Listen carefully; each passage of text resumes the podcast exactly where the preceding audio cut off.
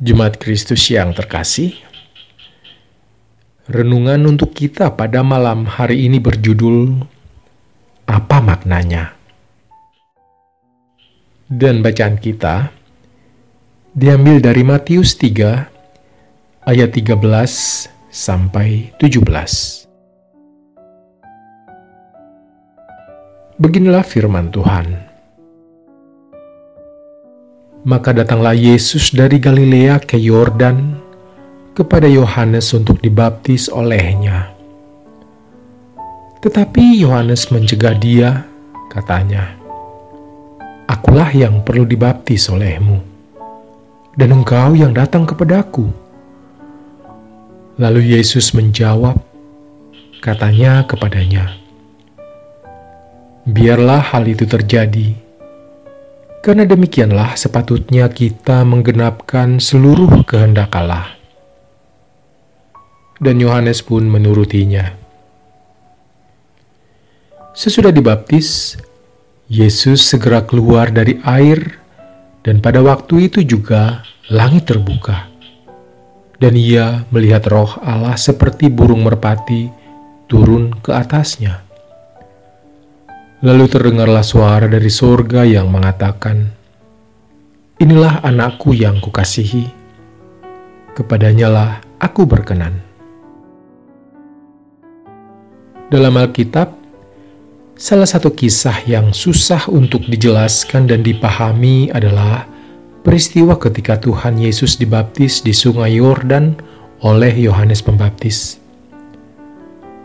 Hal ini menjadi sulit untuk dijelaskan karena tidak seperti yang seharusnya banyak orang pikirkan.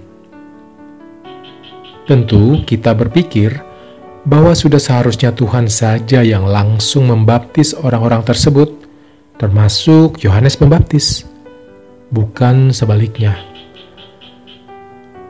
Peristiwa baptisan Kristus bukan peristiwa yang tanpa makna. Justru dengan peristiwa baptisan ini, Allah ingin menunjukkan bahwa Kristus memulai karya di dunia berdasarkan kuasa dan kemuliaan Allah, bukan atas kehendak kemanusiaannya. Peristiwa ini juga menunjukkan kepada kita bahwa kehadiran Kristus di dunia adalah dalam kekudusan. Kehadiran Kristus di dunia untuk membawa keselamatan. Baptisan juga kita pahami dan maknai sebagai simbol kita telah diselamatkan dan disucikan dari dosa dan kesalahan kita. Dengan begitu, seharusnya kita bersyukur bila kita sudah menerima sakramen baptis kudus. Dalam baptisan, kita dapat merasakan bahwa kasih Allah hadir dalam kehidupan kita. Selamat merenungkan kasih Allah melalui peristiwa baptisan Tuhan Yesus. Demikianlah renungan untuk malam ini. Semoga damai sejahtera dari Tuhan kita Yesus Kristus tetap memenuhi hati dan pikiran kita. Amin.